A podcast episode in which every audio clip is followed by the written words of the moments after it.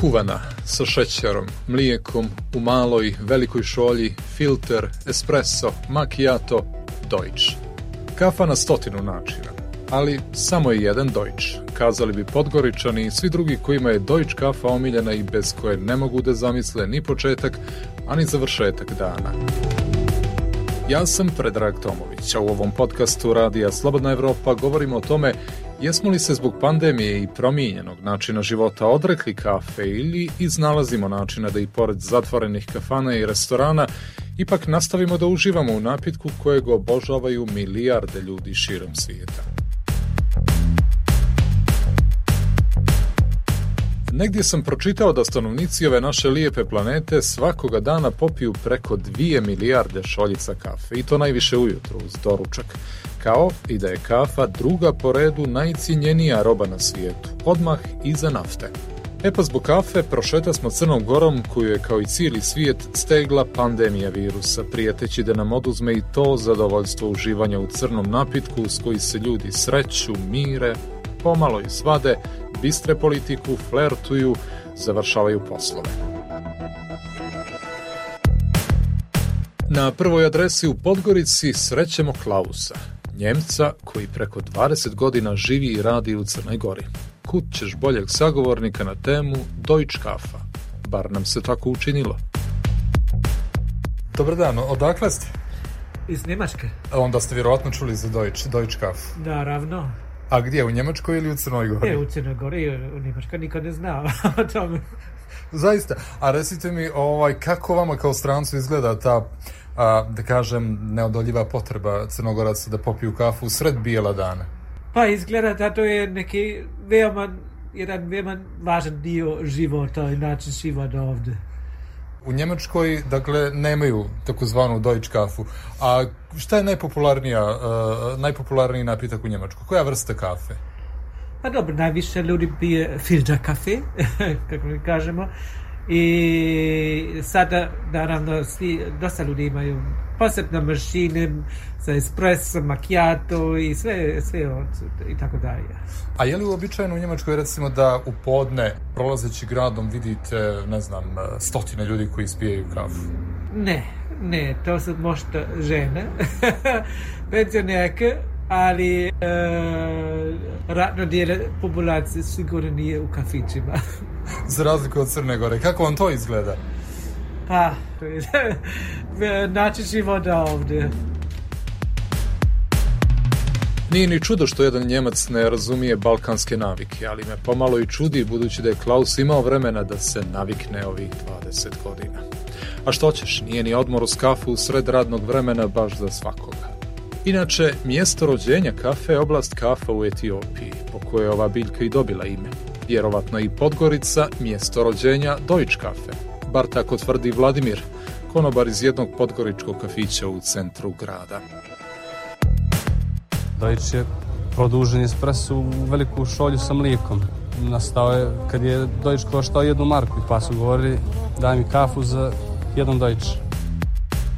Eto sada znamo kako se pravi Deutsch. Nije neka komplikovana hemijska formula, ali ipak treba zapamtiti šta je rekao Vladimir, jer na kraju krajeva nije svaki Deutsch pravi Deutsch i po meraku.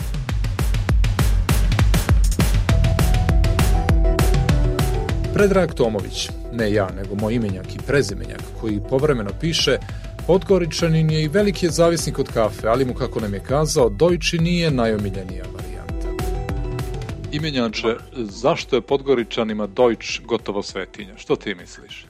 Što se mene tiče, nije Dojč, nego mala kafa s mlikom, ali hoćemo li zvati mala kafa s mlikom ili macchiato ili kratki espresso ili Dojč, da kažemo ovaj isto isto na isto dolazimo nije samo sadržaj kofeina u pitanju nego je više onako neka stvar kao životni stil ili kao neka navike ili ritual i mislim da je to nešto što je sastavni dio naših života nije to nešto što je nije neki fenomen to je jednostavno dio nas tako da kažemo Što tebe ovaj ponuka da kažeš nekome ajmo na, na kafu?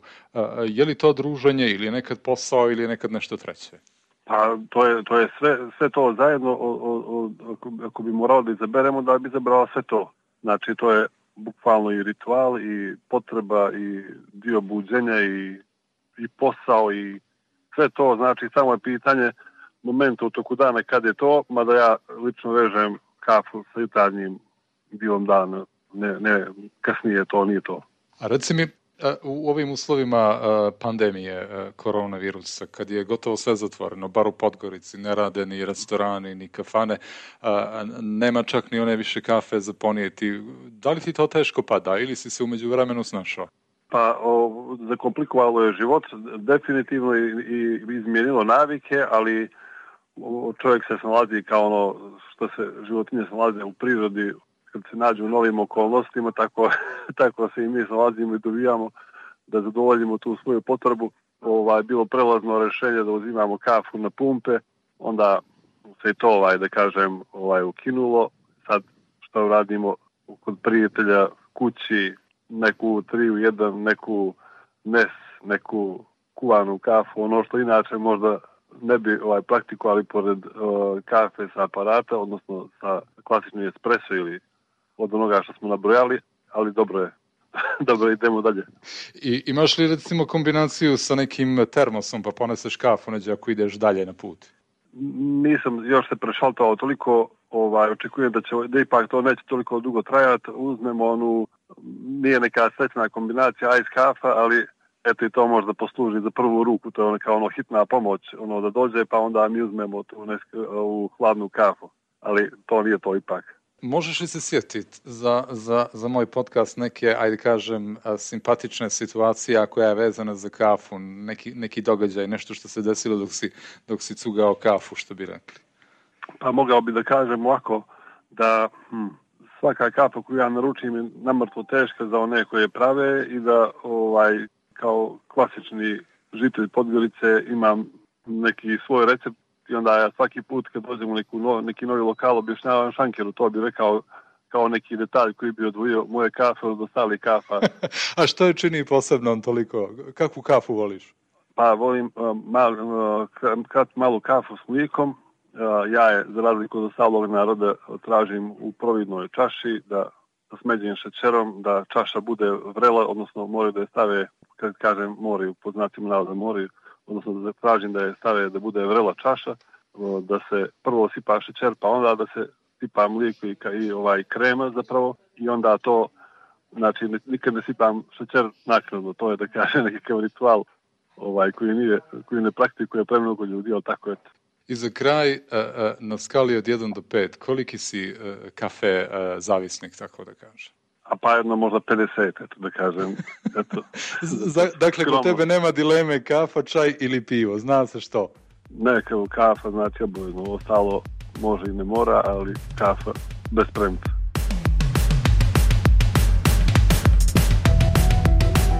Crna Gora je već duže prva u regionu po broju inficiranih na stotinu hiljada stanovnika, kao i po broju COVID pacijenata u bolnicama.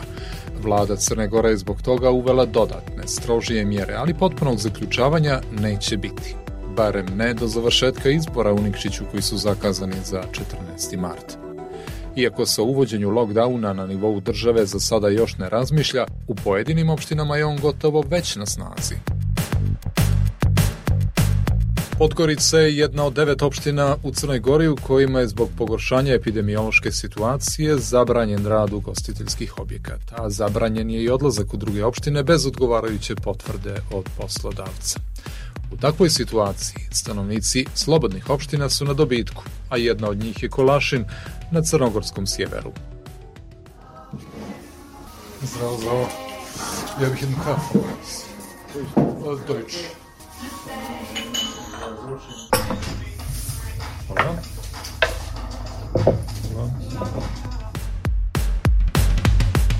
Četiri godine nijesam popio kafu u Kolašinu u kojem živi moje drago biće Dragana. Moju prijateljicu i koleginicu sretam nakon tih četiri godine i nema poljubca. Samo zagrljaj i to sa maskama na licu. Smijemo se tome i počinjemo priču. Drgančeva se Kolašinu na slobodnoj teritoriji, budući da ste vi na neki način privilegovani jer možete kao ljudi da popijete kafu. Deutsch, espresso, tursku, običnu, kakvu god. Kakvu kafu voliš, Dragana, i koliko je često piješ?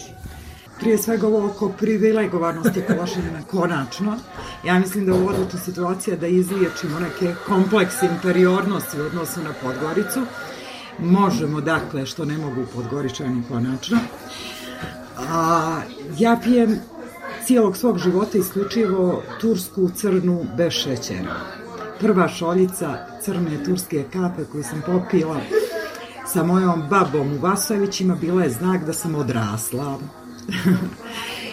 I od tad nekako sam navikla na crnu kafu i vrlo mi je teško kad u lokalu nema turske kafe, ne pijem nikakve zamjene. Kafu pijem u ogromnim količinama, ovaj, hladnu, vrelu, kako god, na mom radnom stolu je uvijek jedna ovaj velika šolja, samo je važno da ima tanku ivicu, a, kafe i to je kao što drugi piju vodu, ja pijem kafu. Zavisnik sam kafe, zaista. A recimo, pošto su pogoričani zavisnici od dojča, očigledno, a jesu li kolašinci ili imaju malo drugačiji ukus kada je kafa u pitanju? Ja mislim da da da mnogo kolašinaca pije dojč kafu i da su lokali prilagodili ti, tome i ponudu i mislim da se samo u kafanama, ovim gradskim kafanama pije u većini turska kafa. Mlađi piju različite vrste kafe, kao dojčani srednje doba i stariji crnu. Pominješ banku, ja se sjećam moje kada je e, pekla kafu, bukvalno ne pekla, nego pržila. Je Pržila. Pržila, pravilnije reći. A, a sjećaš li se onog mirisa a, ili su to kao i neki drugi mirisi zapravo djetinstva? Ima li malo nostalgije u tome? Sjećaš li se tih trenutaka Sjećam naravno i ovoj prvoj kafi sa mojom bakom prethodio je taj ritual. Pržum se zove posuda, spravu koja se pržila kafa na, nad žarom na šporetu, makne se jedan dio ploče pa se prži, a onda se i ručno melje. I sjećam se takođe da je ovaj najmlađi članovi familije su bili za taj posao zaduženi da melju kafu, to je ovako naporan posao bio i sjećam se često žuljeva od toga, ali se sve isplatilo kad se skuva ta kafa koju sam pila zajedno sa bakom, ali uvijek krijući od roditelja ovaj, znam jednom kad sam bila nostalgična na studijama u Beogradu 90. i kad tad bilo dosta pržionica, kafe, znam da sam birala jednu uličicu gdje su bile tri, jer me taj miris podsjećao na ovaj na Kolašin, na Vasojeviće, na babu i to i tad nije znam da to bilo. I hvala ti što si spomenuo prženje kafe. Prženje, prženje, dobro sam se sjetio da je prženje, a ne pečenje. a, kao novinarka, kao neko ko a, radi posao koji zahtjeva zaiste koncentraciju, koliko ti u tim situacijama pomaže kafa, budući da kofein, što bi rekli žargonski, podiže kao što sam ti rekla, ja zaista da bih funkcionisala dnevno i u poslu i onako moram da imam kafu, ali bukvalno uvijek je šolje kafe na mom radnom stolu. Ujutru pijem dvije, pa onda još jednu razvučem tokom prije podneva, pa posle ručka još jednu, a pijem i one, e, jer sam ja od onih osoba kojima kafa nikad nije smetala snu, ja pijem i pred samo spavanje kafu. Vrlo jaku i onako smerakom. Kafa je takođe i prostor za moje neko vrijeme, da sam sama sa sobom i kafa je i vrijeme kad je pijem ujutru po kafanama kolašinskim, recimo sa kolegom i prinudnim uh, konobarom Draženom Draškovićem, on kuva definitivno najbolju kafu, ima pola šoljica onog toza. Nema tu šta mnogo da se pije, ali to što se popije dobro uh, ovaj ukusa, uh, koristim i da čujem informacije po gradu. Mi u Kolašinu skap bistrivo politiku pa pravimo kadrovske liste, pa spajamo i razdvajamo ljude. pa se uh, mačo tipovi pod znacima kolašinski osvrću na prethodnu noć. pa ogovaramo, hvalimo sve. Zaista jedna kultura te prve kafe koju neki piju uz čašicu rakije, neki samo kafu u kolašinu, kafenisanje je kult. Dakle, izlišno je da te pitam koliki si kafe zavisnik na skali recimo od 1 do 5. A 5 plus. Stvarno volim kafu. I volim sve s ukusom kafe. Znam hiljadu jedan kolač s ukusom kafe, neke sam izmislila, neke sam našla recepte, zaista volim kafu i mislim da sam ti ja pravi sagovornik na temu kafe. Pržun, jedna od riječi i asocijacija koje me ali momentalno vraćaju u djetinstvo. Hvala tebi, Dragana, za divnu priču. Uz kavicu, naravno.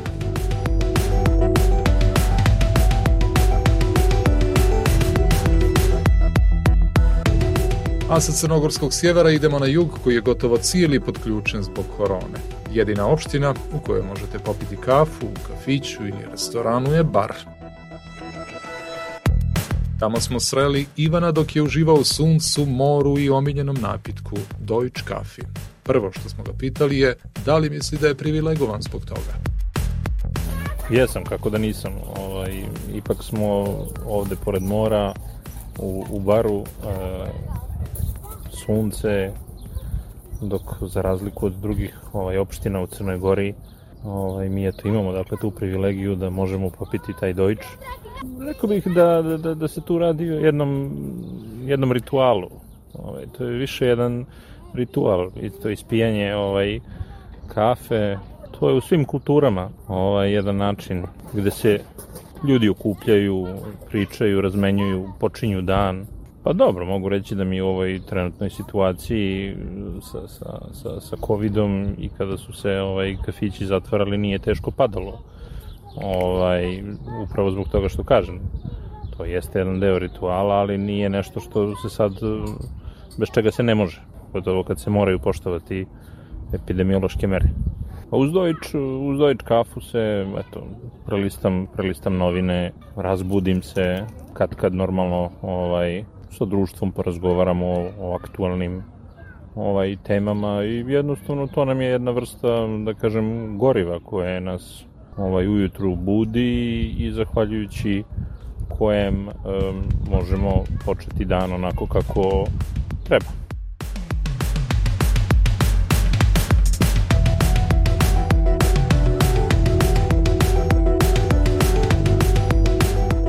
Kafi se uveliko raspravlja i po društvenim mrežama, a jedna priča o tome mi je posebno privukla pažnju. U pitanju je post na jednoj društvenoj mreži u susjednoj Hrvatskoj, gdje je o važnosti kafe u našim životima korisnik pod nazivom Kapetan duge plovidbe napisao sljedeće. Kafić je u Hrvatskoj demo verzija Edenskog vrta, mjesto potpune moralne čistoće. Lav je ravnopravan zecu, trgovac rabljenim automobilima je ravnopravan sveučilišnom profesoru. Svi gosti su moralne vertikale koje pričaju svoje priče o junaštvu i moralnoj ispravnosti u oceanu nepravde i neznanja. U kafiću se zna što bi ministar poljoprivrede trebao napraviti. U kafiću se zna koja je trebala biti početna jedna istorka protiv Ukrajine i kako se radi bilo koja djelatnost. U kafiću nema uhljeba, jugoslovena ni ustaša, a od rajskog izobilja sićušna šalica kave traje satima. Kad se Rajko nagne na pletenoj stolici prema zdravku i kad mu iz duše objasni kako on jedini u cijeloj logističkoj firmi zna kako se ispravno šalta brzina na starom manu, to je onda intelektualno biserije, znanje i beskrajna dobrota onoga koji takve zlatne istine dijeli besplatno s narodom, dok bi vam ih u zemaljskim institucijama poput autoškola naplatili, gdje bi onda drugdje čovjek u Hrvatskoj htio biti nego u kafiću. Eto i susjedi Hrvati ne mogu bez kafića i kafe.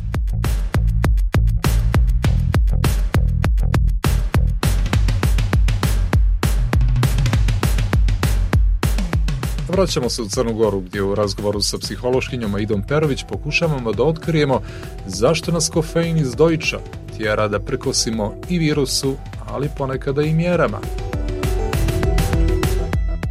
Aida, zašto je Deutsch tako važan crnogorcima ili možda preciznije podgoričanima, mada se ta kafa pije i u drugim gradovima, ali primarno su podgoričani poznati kao veliki ljubitelji takozvane Deutsch kafe? Mm -hmm da u tolikoj mjeri da bi trebalo ono čuveno idemo na kafu promijeniti i idemo na dojče. ovaj, pa to je dojče stil života. Očigledno to više ne možemo vezivati samo za izlazak, niti za večernji izlazak, to je čak mnogo prije jedan izlazak preko dana i u radno vrijeme i sa prijateljima koji su vam prijatelji i sa rođacima. Dođ znači sklopiti posao u prijatnoj atmosferi, dođ znači izaći na sunce i posmatrati ljude oko vas, dođ znači e, napraviti kontru mjerama ovaj, vezanim za koronu, doći prosto stil života i kao takav nešto čega se mi vrlo teško odričemo. Evo to su pokazali svi, pokazala mnoga naša ponašanja jel, tokom, tokom korona pandemije. Rekla si da je kafa, osim što je jeli omiljeni napitak, u stvari i ne samo to, ne samo taj užitak u pijenju, jeli, Deutsch kafe, nego i da. društveni fenomeni, jer je ona sinonim za, kako si sama kazala, izlazak, druženje, čašu razgovora, za ozbiljan razgovor, za poslovni razgovor. Ispijanje u kafe u pobijela dana u toku radnog vremena je gotovo dio kulture i življenja ovdje. Prosto Tako kako je. to komentarišeš? Tako je.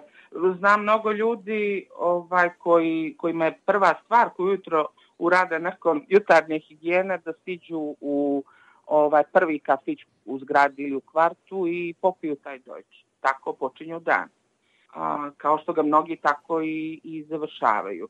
Mi smo oko toga napravili kult koji je vezan i za jednu baš specifičnu karakteristiku ljudi iz Crne Gore, a to je da nam je jako važno da budemo viđeni.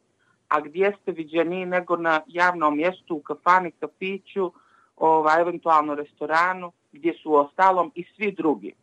Kafa i ta potreba za njom u vremenu epidemije poprima potpuno novu dimenziju. Ljudi krše mjere da bi popili Deutsch. Odlaze u druge gradove gdje kafane i restorani nisu zatvoreni. Izgleda da je potreba za čašom Deutscha prevazišla rizik od infekcije i strah od kazne zbog kršenja mjera. Pa tu bih, tu bih ipak stavila akcenat i na iskonskoj potrebi ljudi da da pokažu, odnosno da se realizuju kao društvena bića e, i u tom smislu onda Deutsch nije samo sve ovo što smo do sad razgovarali, a, a namjerno ovo govorim i zato što je očigledno da mentalno zdravlje u doba um, pandemije prilično stavljeno na stranu. Mi vodimo računa o našoj temperaturi, obraćamo pažnju na simptome koje možemo da vezujemo za za eventualnu infekciju koronavirusom, ali zanemarujemo koliko ona utiče na mentalno zdravlje kod onih koji su inficirani, a to su vrlo velike amplitude a, emotivne. I sa druge strane zaboravljamo koliko ljudima koji su zdravili ili koji su preležali ovo znači da izađu iz četiri zida, jer ipak smo mi u ovome E, oko godinu dan, od godinu dana i e, prosto bi bilo suludo očekivati da se svi nekako mirno složimo sa mjerama koje e, od nas zahtijevaju da budemo ono, malte ne bukvalno u četiri zida. Pa bilo da su to četiri zida kod kuće ili četiri zida na poslu. Neophodno je i zdravo i ljekovito je promijeniti sredinu tokom dana, A, I u tom smislu, dakle, Deutsch ne možemo smatrati samo kultom i ne možemo ga vidjeti samo kao, kao uh, nekakvu kontrašku uh, reakciju naših ljudi. Kada govorimo o kontraškoj reakciji, to je zanimljivo jer uh, u uslovima kada su pojedini gradovi zatvoreni, uključujući Podgoricu, uh, u smislu da ne rade ni kafići, ni restorani, ne može se vani, uh, većina građana, zapravo dobar dio njih, se odlučuje za takozvanu varijantu kafa za ponijeti, odnosno pripreme omiljeni napitak doma i onda izađu ili u park ili opet negdje sa nekim društvom, negdje, negdje na otvorenom prosto. Da li je Deutsch negdje simbol otpora građana mjerama, odnosno onome što sistem traži od nas? Mm, jeste. Potpuno se tu slažem pogotovo u trenucima kad su te mjere bile kontradiktorne, kad su bile selektivne, dakle kad nisu bile iste za sve. Uh, baš mi se dopada da, da taj Deutsch tako vi vidim i da ga nazovemo ovaj, jednim vidom otpora. Negdje ste pomenuli i, i odnosno negdje si pomenula tokom razgovora a, a to da smo u ovim uslovima negdje odvojeni jedni od drugih, uh, je li zbog straha od, od uh, prenošenja virusa. Koliko je izostanak onog čuvenog hoćemo li na kafu ili ajmo na kafu u okolnostima pandemije uticao na desocijalizaciju ljudi? Uticao je veoma a, i ne samo na to, nego ipak su se ljudi udaljili silom prilika. Jel tako? Uh, uticao je mnogo više i na one koji su posebno osjetljivi u ovoj situaciji, a to su ljudi koji imaju problema sa depresijom i sličnim stanjima. Mi konkretno u organizaciji bilježimo baš veliki priliv poziva a, mladih ljudi, jer nam je to ciljna grupa, da im pomognemo jer u suočavanju sa koronom o, oni su se zapravo suočili sa, sa vrlo snažnim depresivnim epizodama, stanjima, sa samopovređivanjem, ne bili se ta tenzije smanjili i tako dalje. Mislim, žao mi je što si na ovaj način uozbiljavam emisiju, ali ne smijemo zatvoriti oči pred tim događanjem, ne samo zbog tih ljudi, nego da negdje budemo još svjesniji kako to mentalno zdravlje ne smijemo zanemariti i da i oni koji su u tom smislu, dakle mentalno ili emotivno potpuno zdravi, negdje je prirodno da ovaj da ih ove mjere toliko ograničavaju da negdje ljudi pucaju, makar u tome da, da im više nije važno da li će ispoštovati mjere jer će se tako zaštititi, nego im potreban nam je luft. Potrebno je apsolutno ovaj luft. E, to mogu da razumijem i privatno i profesionalno, ali s druge strane brojke s kojima se svakog dana suočavamo a, nam negdje ne daju za pravo da, da budemo objesni u svemu tom. Sad ću ja pružiti otpor tvom pokušaju uozbiljavanja Aha, moje emisije. Dakle, pitanje za tebe, uh, da li je Deutsch tvoj omiljeni napitak, odnosno tvoja omiljena kafa? I uh, na skali od 1 do 5 koliki si kafe zavisnik? A, nula, nula a, ja uopšte ne pijem kafu ili da budem precizna, to bude vrlo rijetko, a, da budem još preciznija kad me majka nagovori da je pravim društvo. Ali to su rijetke prilike jer kafu ne volim, pod jedan, pod dva nikako mi ne prija. Tako da ja ne znam da li sam, da li sam popila dva dojče u životu.